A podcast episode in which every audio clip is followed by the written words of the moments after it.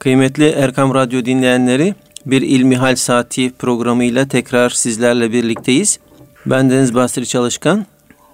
Sizlerden bize gelen soruları pek muhterem hocam, İlmi Araştırmalar Merkezimizin değerli hocalarından Doktor Ahmet Hamdi Yıldırım'a sizlerin sorularınızı kendisine tevcih ediyorum. Muhterem hocam bugün yine e, birbirinden farklı ve e, hakikaten enteresan sorular var. E, ilki şöyle. Ben eskiden hırsızlık yapmıştım. Kardeşlerimin, akrabalarımın ve arkadaşlarımın parasını ve değerli eşyalarını çaldım. Çok pişmanım, tövbe ettim, etmeye de devam ediyorum. Fakat hırsızlık yaptığım kişilerden helallik alamıyorum. Hem utanıyorum hem korkuyorum. İlla ben paranı çaldım, hakkını helal et demem lazım mı? Başka bir yolu yok mu? Lütfen yardımcı olun. Bana çok üzülüyorum, çok pişmanım demiş. Elhamdülillahi Rabbil alemin ve salatu ve selamu ala Resulina Muhammedin ve ala alihi ve sahbihi ecmain. Evet kıyamet hengamından, kıyamet alemlerinden bir tanesi de ödeşme alemi, kısaslaşma merhalesi. Biliyorsunuz ölümle beraber kabre giriyoruz. Kabre girmek de bir nimet bu arada.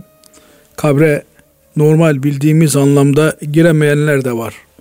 Onların da behemhal son bedenlerinin vücutlarının bulunduğu yer yerin altı da olsa bir başka yerde olsa nihayetinde kabir olarak kabul ediliyor. Kabirde hep beraber tekrar dirilişi beklerken İsrafil aleyhisselamın sura üfürmesiyle diriliş başlayacak. Basu ba'del mevt. Ölümden sonra dirilme. Amentümüzün esaslarından bir tanesi. İman etmiş olabilmek için ölümden sonra dirilmeye inanmak gerekiyor. Biliyorsunuz müşrikler, Mekkeli müşrikler, Hazreti Peygamber aleyhissalatü vesselam Efendimiz gelmeden önce Arap Yarımadası'ndaki insanlar, Araplar Allah'a inanıyorlardı. Evet. Ama ölümden sonra dirilmeye inanmıyorlardı. Nitekim dünyada insanoğlunun çoğu Allah'a inanıyor. Hemen hemen yüzde doksan oranında Allah'a inanıyorlar. Fakat ölümden sonrasına iman edenler bunlar azınlıkta. Ölümden sonrası yeni bir hayat, yeni bir alem. İşte ölümden sonraki merhalelerin bir tanesi de ödeşme merhalesi, aşaması, kısaslaşma dönemi. Efendimiz Aleyhisselatü Vesselam buyuruyor ki, kıyamette ödeşme, kısaslaşma hengamesinde boynuzsuz koyun boynuzlu koyundan intikamını alacaktır. Hesabı bir zulüm varsa orada görülecektir. Binaenaleyh kimseye yaptığı yanına kar olarak kalmayacaktır. Zerre kadar yapılmış olan bir iyiliğin de karşılığı görülecek, kötülüğün de karşılığı orada bulunacaktır. Bu yüzden kul hakkı en önemli meseleyi teşkil etmektedir. Kul hakkı dediğimiz ne? Kulların birbirlerine karşı yaptıkları haksızlıklardan doğan haklardır. Aslına özüne baktığımız zaman bütün haklar Allah hakkıdır. Çünkü Allah adaleti emrediyor Adaletsiz davrandığımız zaman Allah'ın emrini çiğnemiş oluruz. Bakın Cenab-ı Allah buyuruyor ki وَمَا كَانَ لِمُؤْمِنٍ en yaktule mu'minen illa hata'a. Bir mümin bir mümini öldüremez diyor. Evet. Niye? Müminin taşıdığı iman vasfı ona haksızlık yaptırmaz, zulüm yaptırmaz. Bir mümin bir mümini öldüremez. İlla hata'a. Kazara, yanlışlıkla, bilmeden, istemeden ancak olabilir. Bile isteye kasten bir Müslümanın bir Müslümana zulmetmesi, bir insana zulmetmesi mümkün değildir. Çünkü iman denilen o cevher Müslümanlık kalitesinin göstergesi olan iman cevheri insana haksızlık yaptırtmaz. Zulüm yaptırtmaz. Kimsenin hakkına, hukukuna sokturmaz adamı. Haksızlık yapacağı zaman eli geri geri gider. Yanlış bir iş söyleyeceği zaman ağzı geri geri döner. Onun için Efendimiz Aleyhisselatü Vesselam buyuruyor ki filan günahı işleyen mümin olarak o günahı işlemez diyor. Mümin yapacağının hesabını vereceğine inanan bir insan haksızlık yapmaz. Ama nefsine mağlup olmuş. Bir dönem lakayt bir hayat yaşamış. Bir yanlış yapmış, bir günah yapmış. Bir su istimalde bulunmuş, bir hak yemiş. İlâ. Evet. Can bedende bulundukça ona birçok fırsatlar sunulmaktadır. Henüz son nefesi vermemiş isek Cenab-ı Allah bizi seviyor, tövbe etme, istiğfar etme imkanı bize veriyor demektir. Onun için Rabbimizin bu sevgisini, Rabbimizin bize vermiş olduğu bu can nimetini, nefes fırsatını bir an önce tövbe ederek kullanmalı, istiğfar etmeliyiz. Kardeşimiz diyor ki, gaflet dönemimde, cahillik dönemimde arkadaşlarımın, yakınlarımın paralarını çaldığım oldu diyor. İzinsiz evet. aldığım oldu. Evet. Şimdi ben onlara ben sizin cebinizden paranızı almıştım. Cüzdanınızdan çaktırmadan 3 lira 5 lira eksiltmiştim diyemiyorum diyor. Denilmez hakikaten de. Yani nasıl bir insan kalkıp da ben hırsızlık yaptım der. Ama hapishanelerde, sorgu odalarında ufak bir işkenceyi görünce bülbül gibi ötüyoruz. Dayanamıyoruz. İki sopa üçüncüsünde şakırdamaya başlıyoruz. Hatta öyle oluyor ki maalesef yapmadığı şeyleri de itiraf ediyor adam.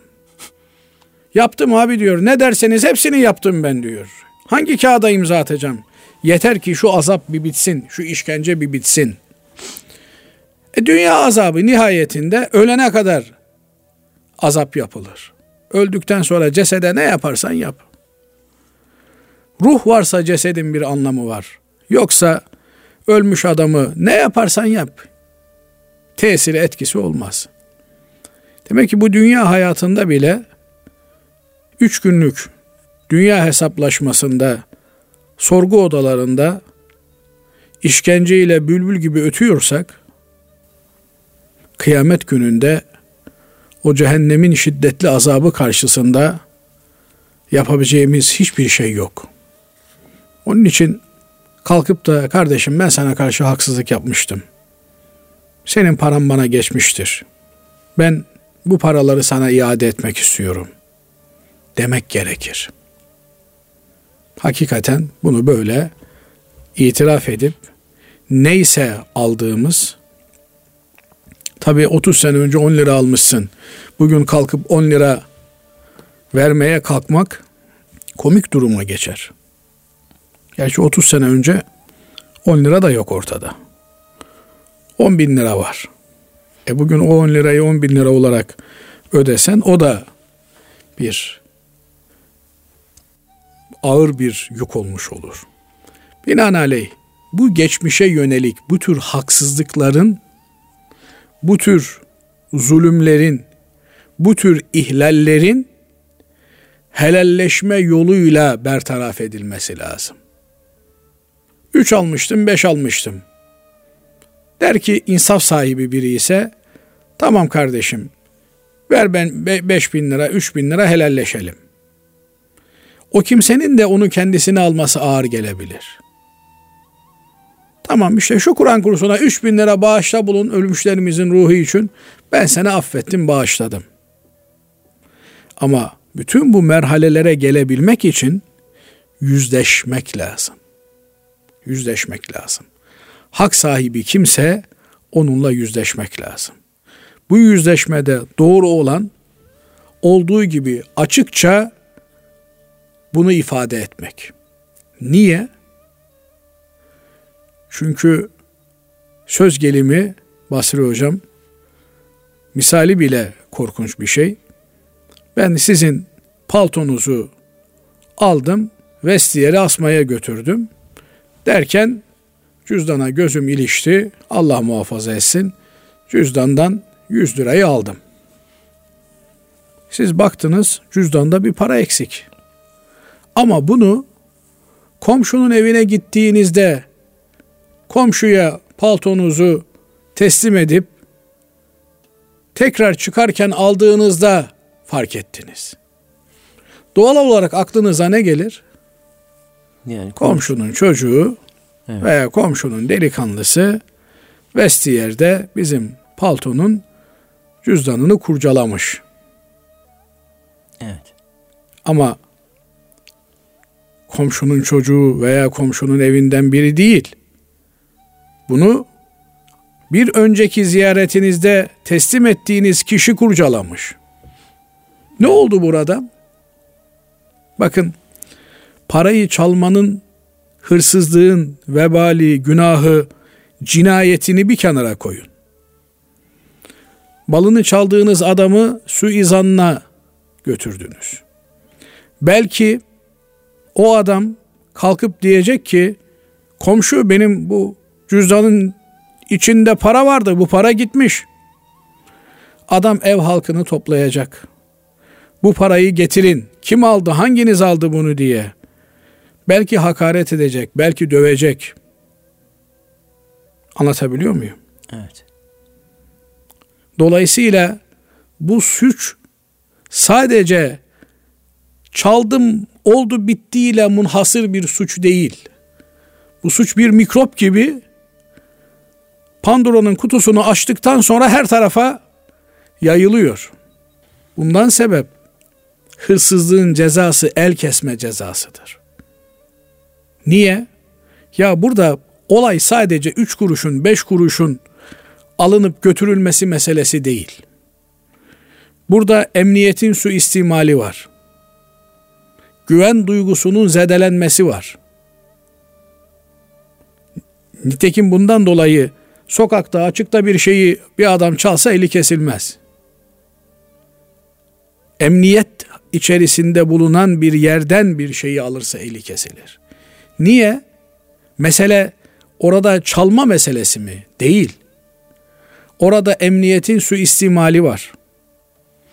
Efendim bu güven zedelenmesi neticesinde insanların herkese suçlu nazarıyla bakmasına sebebiyet vermek var. Düşünsenize adam cebinden 100 liranın çalındığını sabah çalınan 100 liranın cüzdandan gittiğini akşam farkına vardı. Evet. O gün 30 yere gitmişse o 30 yerin hepsi potansiyel hırsız o adamın gözünde. Evet. Yani böyle bir cinayete kimin ne hakkı var? Şimdi kalkıp da Basri hocam 10 sene önce hatırlıyor musun? Ben senin paltonu almıştım. Paltondan da ihtiyacım vardı. Sana da söyleyemedim. Cüzdandan 100 lira ben aldım. Eyvah ben o 100 lira için kimleri kimleri suçlamıştım demez mi adam? Der. Veya işte e, komşunun evine gittin, ablanın evine gittin, teyzenin, halanın evine gittin. Bir abdest alacağım dedin. Baktın ki banyoda gelinin küpeleri duruyor veya işte evin kızının takıları duruyor. Şeytan dürttü seni aldın. Ne oldu? Ne zaman farkına varmışlarsa o eve giren çıkan herkes potansiyel hırsız muamelesi görecek. Böyle bir böyle bir cin hangi birinin hakkını helal ettireceksin. Tamam gittin dedin ki teyzene teyze hatırlıyor musun? 15 sene önce ben gelmiştim. Orada senin yüzüklerin duruyordu. Paraya da ihtiyacım vardı. Yüzüğünü aldım gittim bozdurdum harcadım. Hakkını helal et. İşte neyse o yüzük 30 gramsa ben sana 50 gram olarak yapayım altın. Helalleşelim. Ne güzel. Teyzenle helalleştin. Peki o teyzen eve giren çıkan herkese hırsız muamelesi yaptı. Kaç kişiyle arası açıldı. Onlar kendilerini aklayamadılar hala teyzenin gözünde. Bir defa hırsız damgası yediler. Onlarla nasıl helalleşeceksin? Sen şimdi utanıyorsun. Ben nasıl diyeceğim diyorsun amcama, abime, yengeme, halama ben senden 100 lira çalmıştım veya senin şununu almıştım, bununu almıştım diye. Allah muhafaza etsin. Fakat sahibini biliyorsak bir hakkın derhal behemhal gidip durumu izah edip helalleşmemiz lazım. Burada illa ben çaldım vesaire filan demek gerekiyor mu? Asıl olan helalleşmek. Ama helalleşirken de adam neyi helal ettiğini bilmeli. Evet. Öyle mesela hacca giderken helalleşir millet. Eskiden uzun yola çıkarken helalleşirler. Amca ver elini öpeyim ben hacca gidiyorum hakkını helal et. Helal hoş olsun yavrum. Bilmiyor ki amca neleri götürmüşüm ben. Haberi yok. Ha bu mutlak helalleşmeler helal etme anlamına gelmez. Bu önemli bir mevzu hocam. Yani öyle ben helal aldım aldım helallik aldım. Nasıl aldın helallik? Ya hacca gidiyordum. İşte yurt dışına çıkacaktım. Ameliyata girecektim. Amca hakkını helal et dedim o da helal etti. Öyle değil. Amca ben senin paranı çaldım. Malını gasp ettim. Emniyeti su istimal ettim. Senin haberin yok ama ben şöyle şöyle menfaat elde ettim. Senin işinden, gücünden, ticaretinden. Demek ve olsun evladım. Canın sağ olsun. Ben biliyordum zaten. Ama sen rencide olmayasın diye söylememiştim. Ben zaten hakkımı sana helal etmiştim. Der, kurtarırsın. Demezse yanarsın. Hiç lamıcımı yok. Hem de ne yanmak. Onun için ya ben nasıl edeceğim, nasıl söyleyeceğim? Ha, çaldım deme. De ki amca ben senin paranı almıştım de. Bir şekilde neyin karşılığında hakkını helal etmesi söz konusu ise onu ifade etmen, söylemen gerekiyor. Evet. Aksi halde bu genel helalleşmeler helallık olmaz. Helalleştik, yetti mi? Hayır. O günah için gözyaşı dökmek lazım, istiğfar etmek lazım. Ve kim bilir müteselsilen zincirleme olarak o işlenen suç kaç kişiye yafta olarak asılmıştır. Evet. Hocam Bu, diğer bir sorumuzda da demiş ki öldükten sonra helalleşme nasıl olacak? Böyle bir he, şey. Olduktan sonra helalleşme nasıl olacak? Diyor ki Efendimiz Aleyhisselatü Vesselam müflis kimdir? Evet. Diyorlar ki ashab-ı kiram efendilerimiz Allah ve Resulü daha iyi bilirler ama müflis diye biz çok malı, mülkü, serveti, kazancı olan birinin bir anda malını, mülkünü, servetini kaybetmesi, sıfırı tüketmesidir diye biliyoruz. Efendimiz diyor ki müflis ahiret hesabıyla müflis. Namazını kılmış. Zekatını, sadakasını vermiş. Orucunu tutmuş. Allah haklarını ödemiş. Allah Azze ve Celle'ye karşı ibadetlerini yapmış. Zahiren öyle görünüyor. Evet. Ama bunlar zahiren. Çünkü bunlar hakiki anlamda namaz olsa, hakiki anlamda zekat olsa, hakiki anlamda oruç olsa adama günah işlettirmez. Evet. Şöyle söyleyeyim. Çok değerli bir emanet taşıyorsanız Mesela söz gelimi yedi eminseniz çantanızda, arabanızda 5 milyon dolar taşıyorsunuz. Evet. Derken adamın bir tanesi geldi arkadan tampona sürttü. İnip bakmazsınız bile. Niye? Önemli bir para taşıyorsunuz. İnersin, kavga, gürültü derken biri gelir çantayı götürür, başına bela alırsın. Çarptı çarptı dersin. 300 lira 500 lira ben onu hallederim. Hiç kavga ile gürültüyle uğraşacak vaktin olmaz senin. Evet. Namaz kılan bir insan böyle bir namaz gibi hassas emanet taşıyor demektir. Oruç tutan bir insan böyle oruç gibi hassas bir ibadet taşıyordur. Şimdi ben elimde kaşıkçı elmasını tutuyorum. Biri gelmiş ayağıma çarpmış onunla kavga etmem. Arada kaşıkçı elması gümbürtüye gider. Dolayısıyla bu namaz, oruç, zekat da surete, şeklen bir namaz ve oruç. Ama kılmış, tutmuş. Evet. Yani baktın mı şekil tamam. Oradan da sevap biriktirmiş. Dağlar gibi sevaplar biriktirmiş. Ama diyor ki Efendimiz Aleyhisselatü Vesselam ona şetmetmiş. Saymış sövmüş. Öbürüne sebbetmiş. Küfretmiş. Galiz ifadeler kullanmış. Berikini çekiştirmiş. Gıybetini yapmış. Baktığında şey yok yani. Maddi bir şey yok. Manevi unsurlar. O sövdükleri, saydıkları, ağır hakaret ettiği, gıybetini yaptığı, çekiştirdiği insanlar gelmişler. Haklarını istiyorlar. Evet. Biri gelmiş bütün namazlarını 80 senelik namazını almış gitmiş. Mübarek geceleri de teheccüd kılardı sabaha kadar. Gitmiş bütün teheccüd de gitmiş, evvabil de gitmiş, işrak da gitmiş, kuşluk da gitmiş, bütün namazlar gitmiş. Pazartesi, perşembeleri de kaçırmazdı. O sövdüğü, saydığı adamlardan biri de gelmiş, o da onları almış götürmüş. Her gelene ikramda bulunurdu. Zekat, sadaka, cömert bir insandı. Öbürü de gelmiş onları bitirmiş. Elde avuçta bir şey kalmamış. Ama hocam e, şöyle bir şey Sonra da geliyor insanın. sonra da Basri hocam sıradakiler bitmemiş. Evet. Ne, ne verecek? Mal bitmiş. Bu sefer onların günahlarını yüklenmeye başlamış. Buyurun hocam ne geliyor akla? Aklıma insanın aklına şu geliyor. Yani bu kadar namaz kılan, bu kadar oruç tutan, bu kadar zekat verip sadaka veren, ikramda bulunan bir kişi yani nasıl olur da böyle insanları e, rencide edecek sözler söyler? Hocam unutmamak lazım ki şeytan bir secde etmedi diye şeytan oldu. Yani şeytanın meleklerle statüsü aynıydı. Melek gibiydi. Evet. Bir secde etmedi.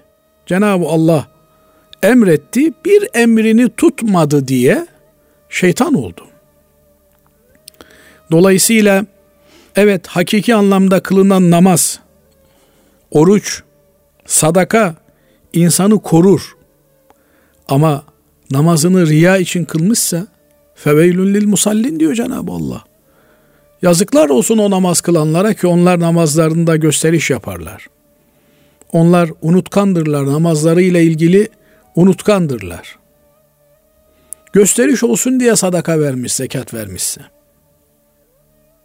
Elbette hakiki anlamda iki rekat makbul bir namazımız varsa kurtardık inşallah. İnşallah. Ama o iki rekat makbul bir namaz için bir ömür antrenman yapmak lazım. Bu yüzden iyisi mi? Hiçbir kimsenin hakkına, hukukuna ihlal etmemek lazım. Yani çok özür dilerim. Bazen sesli konuşuyorsunuz. Ya o ses tonunuz bile karşıdakinizin kulaklarını hırpalıyor. Rahatsız edici olabiliyor. Yani yürürken ayaklarınızın çıkardığı ses birilerini rahatsız edebilir. Yani Müslüman bütün Müslümanların, insanların elinden, dilinden huzur içerisinde olduğu insan demektir. Yani bu adamın kimseye bir zararı olmaz. Evet. Ne eliyle kimseyi incitir ne de diliyle incitir. Yani bu o kadar hassas bir mevzu ki Basri hocam. Bazen servet ile birbirimizi incitiyoruz. O nasıl Mesela, oluyor? Diyor ki adam bilerek veya bilmeyerek 40 bin dolarlık saati takmış. Gömleğini de geriye çekiyor, gösteriyor. Yani buradaki saat 40 bin dolar. Ona göre haddini bil yani. Kaç bin dolarlık adamla konuştuğunun farkında ol. Evet. Ayet-i kerime veylün liküllü hümezetin lümeze.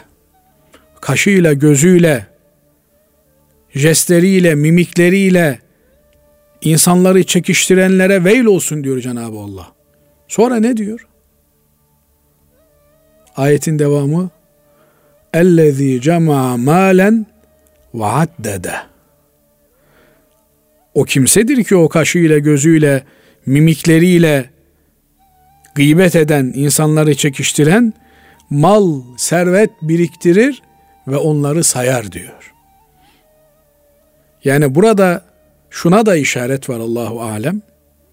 Servetiyle insanları dövmeye kalkanlar, lüksüyle, şatafatıyla insanları rencide edenler. Oturuyorsun, şuyum var, elhamdülillah. Cenab-ı Allah lütfetti. 32 tane Mercedes aracım var. Allah'a nihayetsiz hamdü senalar olsun. 42 tane kule diktim. Sayıyor bunları. İşte bu da bu ayeti kerimenin muhtevasına giren insanları çekiştirmeyi, efendim değersiz görmeyi ifade eden sıfatlardan. Cenab-ı Allah kul hakkında muhafaza eylesin. Amin. Yani Cenab-ı Allah'a karşı kusurumuz nihayetsiz tabi yani. Ama Cenab-ı Allah merhametiyle, lütfuyla, fazlıyla, ihsanıyla, ikramıyla, Rahman ve Rahim sıfatının tecellileriyle ümit ediyoruz inşallah affeder, mağfiret eder. Ama kul hakkı kul affetmez hocam. Kul affetmez. Hele de ihtiyacı varsa hiç affetmez. O kadar ki o gün yevme yefirrul mer'u minebih. Babasından, anasından, kardeşinden o gün kimse kimseyi tanımıyor. Kaçan kaçana aman beni babam görmesin. Belki bir sevap ister. Orada kimsenin kimseye bir kayırması vesairesi yok. Herkes tabiri caizse bir sevap peşinde, kurtuluşun peşinde. Evet. Yani o gün işte Ahmet Hoca iyi adamdı, onun gıybetini yapayım da o gün beni affeder. Hiç hiç. Boşuna böyle boş hayallerin içerisine girmemek lazım.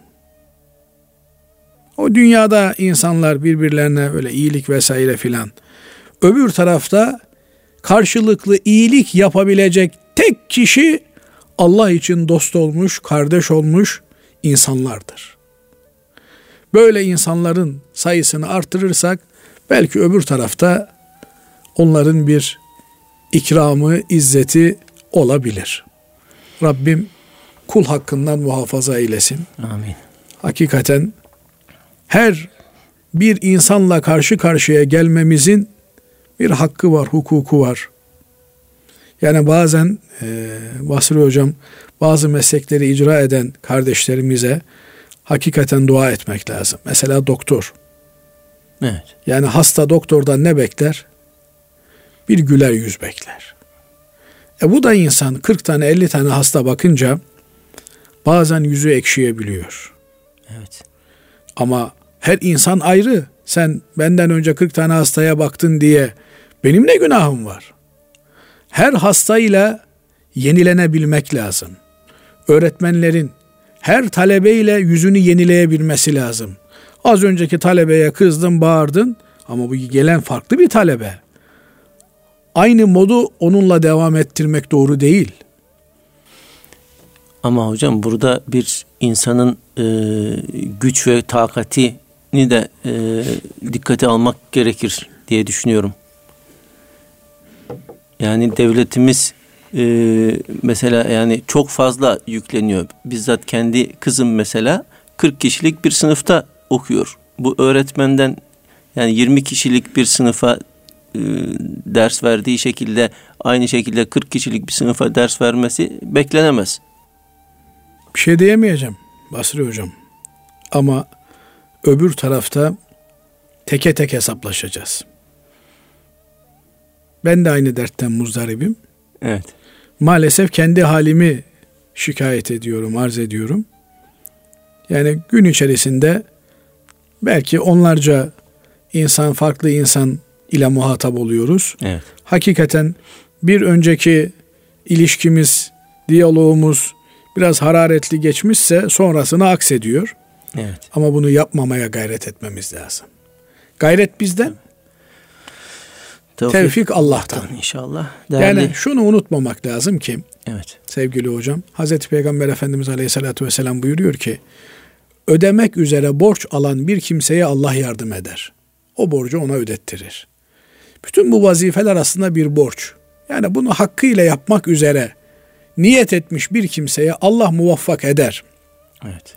Ya Rabbi öğretmen sınıfına girdiğinde Ya Rabbi bu çocuklara bu evlatlara faydalı olmayı, hayırlı olmayı bana nasip et. Bunlara güler yüzlü olmayı, faydalı olmayı, yararlı olmayı bunun yollarını bana ikram et dese Allah onu mahcup etmez. İnşallah. Ama sabah kalkarken zaten böyle bir abus vecehiyle çatık kaşta kalkarsa o gün boyu onun o hali devam eder. Evet. evet. Allah razı olsun. Değerli dinleyenlerimiz e, kısa bir araya gidiyoruz. Aradan sonra tekrar birlikteyiz inşallah. Kıymetli Erkam Radyo dinleyenleri İlmihal Saati programımıza kaldığımız yerden devam ediyoruz. Son zamanlarda e, gündemde olan bir soru bize de ulaştı. Efendim şöyle e, sorumuz iş yerinde, devlet dairelerinde veya e, özel e, şirketlerde e, şirketlerin elektriğini kullanmak caiz midir? E, biraz açacak olursak e, kettle'la efendim e, kendimize çay yapmak veyahut da e, işte e, telefonu şarj etmek gibi e, bu kullandığımız elektriğin e, bize e, caiz oluyor mu yoksa e, bunu tazmin etmek gerekir mi? Evet önemli bir konu. Yani özellikle de e, devlet malı söz konusu olduğunda tabi devlet e, bir şahsı manevi karşımızda bir gerçek kişilik yok. Bütün millet ile karşı karşıyayız demektir devlet söz konusu olunca. Evet. Hatta Anadolu irfanının güzel bir ifadesi var. Tüyü bitmemiş yetimin hakkı orada söz konusu. Devlet imkanlarını kullanırken hassas olmak mecburiyetindeyiz. Fakat bu hassaslık bizi hantallığa götürmemeli. Yani mesela bugün ülkemizde bürokrasiden şikayet ediliyor. Herkes. Evet. Bürokratik işlemlerin yavaş gittiğinden herkes muzdarip. Niye? E bir takım e, hakikaten hassas insanlar imza atmakta tereddüt ediyorlar. Daha iyi değerlendirelim diye. Bu tereddütleri belli bir zaman sonra işlerin aksamasına da yol açabiliyor. Yoksa hak hukuk tanımayan zaten e, imzasını kendince değerli gördüğü bir şey karşılığında hızlı bir şekilde atabiliyor. Binaenaleyh ne oluyor? E, tırnak içerisinde ifade etmek gerekirse rüşvetle iş yapanın işi hızlı yürüyor. Evet. Ama hakkıyla hakkını arayarak iş yapanın işi bir türlü yürümüyor. E burada bir hak söz konusu değil mi? Yani rüşvet çarkı içerisinde olan memurlar hızlı bir şekilde imzalarını atıyorlar. Öbürleri kılı kırk yararcasına düşünüp düşünüp düşünüp vatandaşın işini aksatıyorlar. Bu da bir hak. Evet. Öncelikle işin bu tarafını düşünmek lazım. Bu sorduğumuz soruyla alakası olmayan bir yön diyeceksiniz. şöyle bir ilinti bağlantı kurmak istiyorum Basri Hocam. Evet. Ee, gün içerisinde eğer insanların dinç olmaları, efendim işlerini daha rahat yapabilmeleri, çay içmelerini, kahve içmelerini gerektiriyorsa ve toplum örfü buna müsaade etmiş, izin vermişse o zaman bunu devlet hakkı, kul hakkı gözüyle değil de çalışan memurun, işçinin performansı cihetiyle görmek lazım.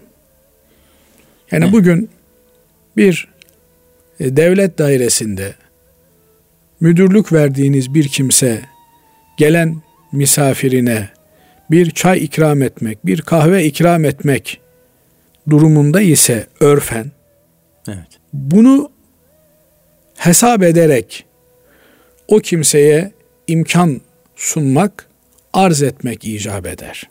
Bugün eğer öğle tatili olduğunda devlet hastanesinde hemşirelerin, doktorların öğle yemeğini takiben çay içme ihtiyaçlarını müessese karşılayabiliyorsa efendim e, çayhanesi vesairesi bu imkanı sunabiliyorsa burada insanlar, çalışanlar bu yönüyle ihtiyaçlarını giderebilirler. Ama öyle bir imkan yok. Doktora bir oda tahsis etmişsiniz. Gece nöbet bekliyor.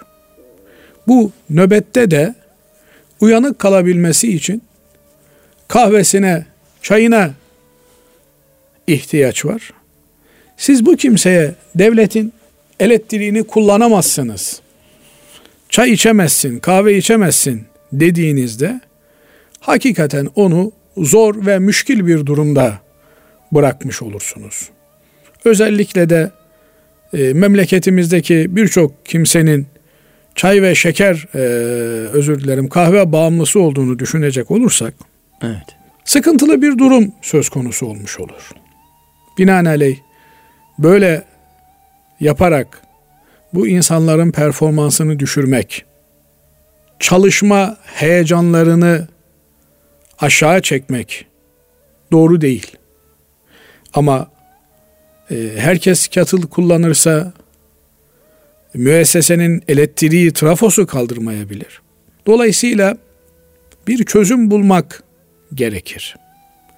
Bu çözüm de örfün, insanların adetlerinin, geleneklerinin, göreneklerinin hakem olarak belirleyeceği bir çözümdür. Yani doktora muayeneye gidiyorsunuz. Sizi muayene ederken şapır şupur çay içmesi hoş bir şey değil. Ama öğle arasında bu doktorların çay içmesi, kahve içmesi insaf sahibi herkesin makul göreceği, uygun göreceği bir şeydir.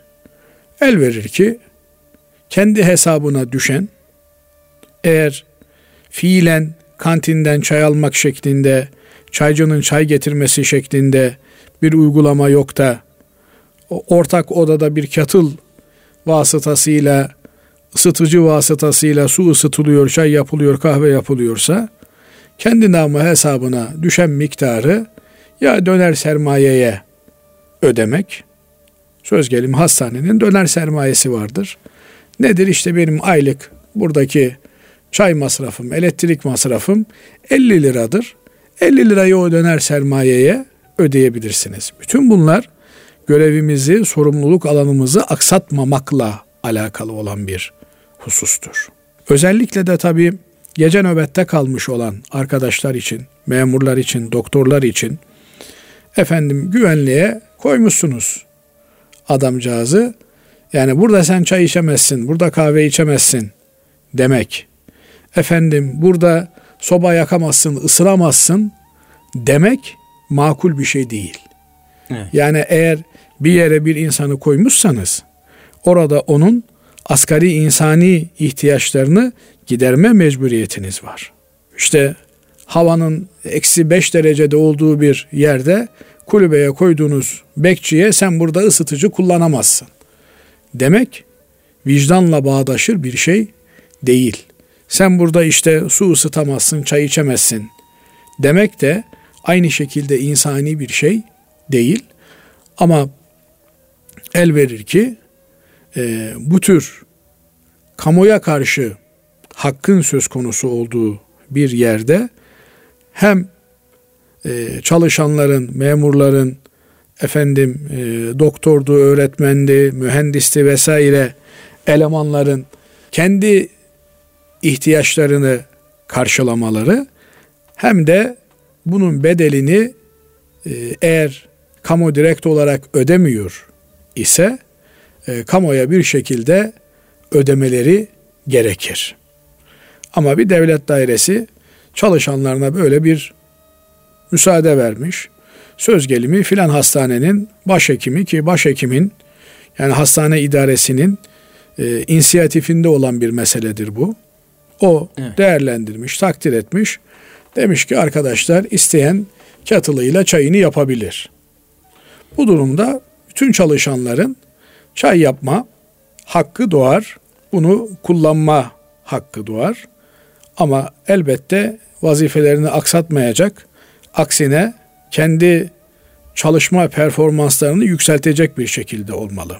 Aynı şekilde yine bir devlet hastanesinin idaresi demiş ki kesinlikle odalarda kettle istemiyorum. Bu durumda da bu yasağa riayet etmek gerekir. Peki bu durumda nasıl bir çözüm söz konusu olabilir? E, efendim e, termosla insanlar bu ihtiyaçlarını giderebilirler. Eğer yetmiyorsa yandaki bir mekandan yine termos vasıtasıyla bu ihtiyaçlarını giderebilirler. Ama e, açık bir iznin veya açık bir yasağın olmadığı yerde bunu toplumun örfü belirler. Yani söz gelimi bir yerde e, doktorlar doktor odasında katılı koymuş, çay yapmış, içiyorlarken halk gördüğünde şunlara bak ya.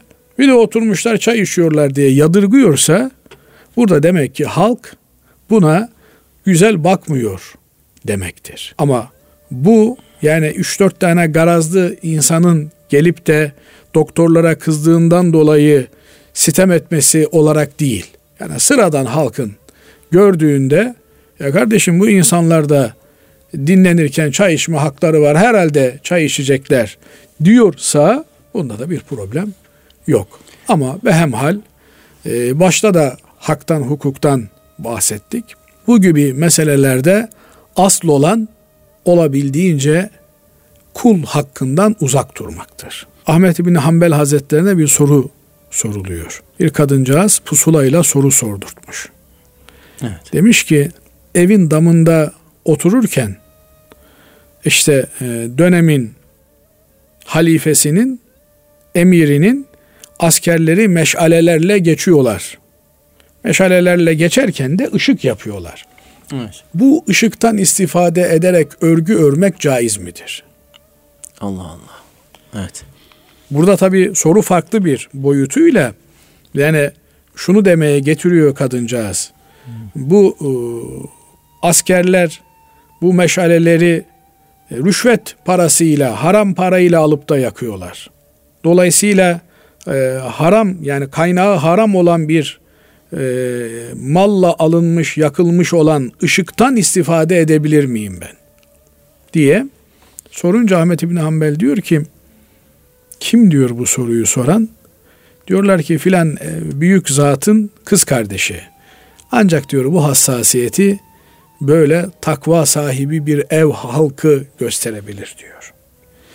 Binaenaleyh bu tür şeylerden asıl olan uzak olabilmek, uzak durabilmektir. Ama bu noktada işte katılından çayını içip de döner sermaye 5 lira 10 lira neyse aktaran bir kimseye de yapma böyle olmuyor bak böyle yapman diye çıkışmak da doğru değil. Evet. Muhterem hocam diğer bir soru e, şöyle faizle ilgili. Faizli işlemlerde aracılık etmek ve kefil olmak caiz midir? Hazreti Peygamber aleyhissalatü vesselam Efendimizin hadisi çok açık. Allah faizi alana da, verene de, katibine de lanet ediyor demektedir. Kefiline de lanet ediyor demektedir. Yani o işlemi bu, yapana katip bu, derken hocam hani şimdi belki çok genç dinleyenimiz de vardır. Ee, yani o işlemi Tabii yapan veznede çalışan, muhasebesini memura, evet. tutan, efendim kaydını kuydunu tutan yani evet. bu işi yapana da yaptırana da Hazreti Peygamber Efendimiz lanet ediyor. Dolayısıyla faiz çarkının içerisinde kefil olsun. Evet. Efendim bizzat faizi veren olsun, alan olsun. Her türlü işlemin içerisinde bulunana Hazreti Peygamber Efendimiz lanet etmiş. Dolayısıyla faizden uzak durmak lazım. Belki e, şöyle hani bu soruyu sorarken şöyle bir şey kastedilmiş olabilir. Hani e, ödeyecek olan kişinin e, imkanı yerinde ama usulen bir şey isteniyor. Bir kefil isteniyor. Hani o da mı? O da. evet o da. Usulen o da lanete müstahak hale gelmiş olur. Evet. Çünkü yapması gereken bir dost, bir eş insandan kefil olmasını ister. Senden kefil olmanı isteyen kimseyi senin engellemen lazım. Kardeşim sen kendini ateşe atıyorsun. Evet. Sen kendini ateşe atarken benim de seni itmemi istiyorsun. Ben bunu yapmam. Ben seni itecek olsam ateşe değil, ters yana doğru itmem lazım. Ama ben zaten atlayacağım. Sen usulen beni it dese o usul musul geçmez burada. Evet. Kimseyi ateşe itme hakkımız yok. Allah muhafaza etsin. Evet. Değerli hocam, e, rüya ile ilgili ilgili bir soru da var. E, rüyanın İslam'daki yeri nedir? Rüya ile amel edilir mi? Çok uzun bir konu. Hakikaten evet. e, detaylı bir şekilde anlatılması gereken bir konu. Dinimiz rüyaya itibar etmiş. Yusuf Aleyhisselam'ın en önemli özelliklerinden bir tanesi rüya tabircisi olması. Kur'an-ı Kerim bunu ifade ediyor. Hatta diyor ki Yusuf Aleyhisselam ben sizin rüyanızı nasıl tabir eder isem o rüya öyle gerçekleşir diyor. Ona göre bana rüyanızı anlatırken dikkatli olun diyor. Binaen rüya haktır. Rüya hadisi şerifin ifadesiyle nübüvvetin 46 cüzünden parçasından bir parçadır. Çünkü Efendimiz Aleyhisselatü Vesselam 43, e, 23 yıl peygamberlik yapmıştır. 23 yılı 46'ya böldüğünüzde 6 aylık periyodu dönemi sadık rüyalar şeklinde ortaya çıkmıştır. Yani Efendimiz Aleyhisselatü Vesselam gece rüyasında gördüğünü gündüz e, yaşamaktaydı. Evet. Binaenaleyh e, sadık rüya tabiri vardır. Nedir sadık rüya? Sadık rüya kişinin ayan beyan gördüğü net, makul, uyandıktan sonra bir film şeridi gibi hatırlayabildiği güzel rüyalardır. Rüya sembolik ifadeler içerir. Çünkü rüya ruh aleminin yolculuğudur. Yani uyku halinde Cenab-ı Allah buyurur ki huvellezî yeteveffâkum billeyl. Gece sizin ruhunuzu alır diyor Cenab-ı Allah. Ve ya'lemu ma cerahtum bin nehar. Gündüz ne işler işlediğinizi de bilir. Rüya üç türlüdür sevgili hocam. Ya e, gündüz yaşadığımız hadiselerin, olayların etkisinde kalırız. Onlarla ilgili rüyada kesik kesik, bölük parça şeyler görürüz. Geçen bir kardeşimiz diyor ki e, bizim çocuk diyor uyurken diyor korkuyla diyor uyanıyor diyor terkan içerisinde uyanıyor diyor. Çizgi film seyrediyor mu dedim. Evet dedi sabahtan akşama kadar seyrediyor. Vurdulu kırdılı mı? Evet. Erkek çocuğu. Sen dedim bir hafta seyrettirme çocuğa. Bu problemleri çözülür. O şimdi okusak, muska yazsak vesaire filan diyor ama durum muskalık, okumaklık vesaire filan değil. Ortada evet. net bir durum var. Gündüz çocuğun seyrettiği filmler gece ona tesir ediyor. Bir gündüz yaşadığımız olayların etkisiyle mesela adam e, çok susamıştır. Gece rüyasını böyle tatlı nehirler girer. Binaenaleyh ya gündüz yaşadığımız olayların etkisiyle bölük pörçük, kesik kesik sahneler gece rüyalarımıza girer. Ya abuk subuk, dolambaçlı, gizemli, kötü şeyler rüyalarımızı işgal eder. Bunlara adgâsu ahlam deniyor. Birbirinden kopuk, bir manası olmayan abuk subuk şeyler, kötü rüyalar. Ee, böyle bir rüya gördüğünüzde diyor Hazreti Peygamber aleyhissalatü vesselam Efendimiz uyanır uyanmaz sol tarafınıza dönün. Üç defa tükürün. Auzu billahi mineşşeytanirracim. Allah'a sığının. Üçüncüsü ki kardeşimizin sorduğu da herhalde o sadık rüya. Ee, ayın 14'ü gibi açık, net, berrak görülen rüyalardır. Ee, dediğim gibi rüya ruh ile yapılan bir seyahat olduğu için e, ruh mekan ve zaman kavramlarıyla çevrilmiş, kuşatılmış, engellenmiş değildir. Şimdi biz bu bedenle, bu cesetle e, ruhu hapsetmişiz. Dolayısıyla ruh da bizimle beraber bu beden kafesine hapsolunmuş durumda. Bir yerden bir yere gitmek için adım atmamız lazım.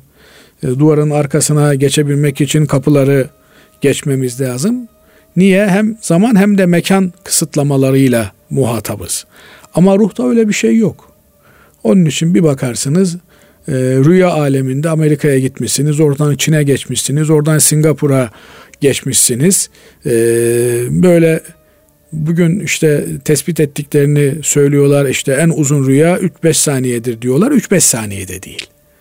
Çünkü rüya bu aleme ait bir kavram değil. Yani bu halk alemi dediğimiz sebeplere bağlı olan zamanın işlediği, mekanın var olduğu bir aleme ait görüntü değil. Dolayısıyla zamansızlık e, kavramını zamanla nasıl değerlendireceksiniz? Evet. Yani saat durmuş, duran bir saat artık e, zamanla alakasını kesmiş demektir. Onun için bir rüyada e, 40 yıllık hadiseler 40 bin yıllık olaylar cereyan edebilir. Evet. E, gördüğünüz sadık rüyayı ne yapacaksınız? Ha, burası önemli. Rüya tabire ihtiyaç duyar. Yorumlanmak ister. Binaenaleyh e, ehli olan, rüya tabirinden anlayan kimselere yorumlatmak gerekir. E, bunlar da çok nadir kimselerdir. Eğer böyle birini bulamıyor iseniz salih yani Allah'la yakınlığını bildiğiniz, inandığınız kimsenin bilemezsiniz tabi Allah'la ne kadar yakın değil ama bakıyorsunuz nurani bir insan. İlla ihtiyar olması gerekmiyor. Genç de olabilir. 15 yaşında bir delikanlı da olabilir. Ama ehli feraset sizin hayrınızı isteyen bir insan. Ona anlattığınızda o iki gün sonra öleceksin, üç gün sonra kaza geçireceksin demeye başlarsa bu tabi korkulur.